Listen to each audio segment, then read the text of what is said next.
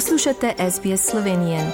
Prisluhnite še drugim zanimivim zgodbam na sbsp.com.au pošiljka Slovenije.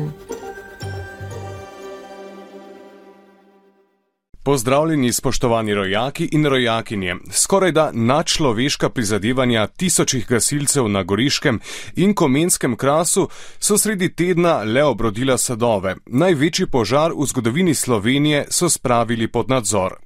Po prvih ocenah je zgorelo okoli 3000 hektarjev gozda, do jeseni naj bi bil pripravljen načrt sanacije in morda bodo stekla tudi prva pogozdovanja. Proces obnove naj bi trajal pet let. Takole, zasnuje se lahko recimo v ene petih letih, prva osnovna zasnove, ne?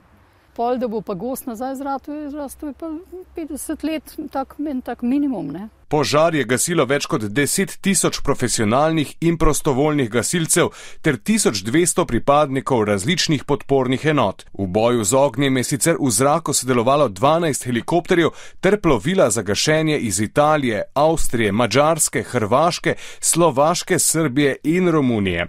Predsednik države Borut Pahor se je državam zahvalil za pomoč. Rad bi uh, pozdravil meddržavno sodelovanje oziroma sodelovanje pristojnih uh, tukaj med uh, različnimi državami na tem majhnem delu. Mislim, da je to eno bet, eno upanje, da bomo skupnimi močmi lahko lažje krotili take naravne nesreče. A zaradi hude suše in izostanka večjih padavin olajšanja še ni. Pomankanje vode pesti slovensko istro. Vodo je potrebno v istro dovažati. Prevažajo jo vojska, gasilci in po potrebi tudi zasebni prevozniki.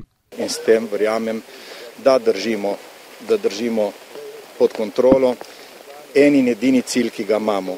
Zagotoviti do slehrnega trenutka to poletje našim prebivalcem zdravo pitno vodo na slehrni pipi. Zaradi nizkega vodostaja so morali zaustaviti tudi hidroelektrarno Sovkan. Letos se je zgodilo drugič, da smo jo izklopili zaradi take situacije. Prvič se je zgodilo leta 2003, v primerjavi z letom 2003 pa so, je, so hidrološke razmere in predvsem vročina eh, dosti manj ugodne, kot eh, so bile še leta 2003. Evropska unija in z njo Slovenija se je zavezala k prostovoljnemu 15-odstotnemu zmanjšanju porabe plina. Ukrep prihaja zaradi negotovosti v odnosih z Rusijo, z njim pa se želijo evropske države pripraviti na morebitne motnje pri dobavah plina po zimi. Ker se plin draži, pa je vlada sprejela odločitev o znižanju davka na energente za vse uporabnike.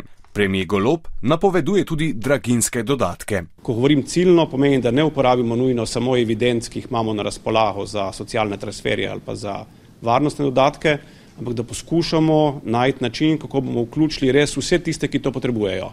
V Sloveniji sicer v teh dneh uživamo v poletju, turistična sezona je na vrhuncu, vsi pa že tudi nestrpno čakamo na bolj izdatno deževje, da se dokončno umirijo razmere s požari na krasu in da istrijani napolnijo svoje vodnjake. To je bil pregled pomembnejših novic iz Slovenije. Z vami sem bil Žan Dolajš. Lep pozdrav v Avstralijo. Všečkaj, deli, komentiraj. Spremljaj SBS Slovenijo na Facebooku.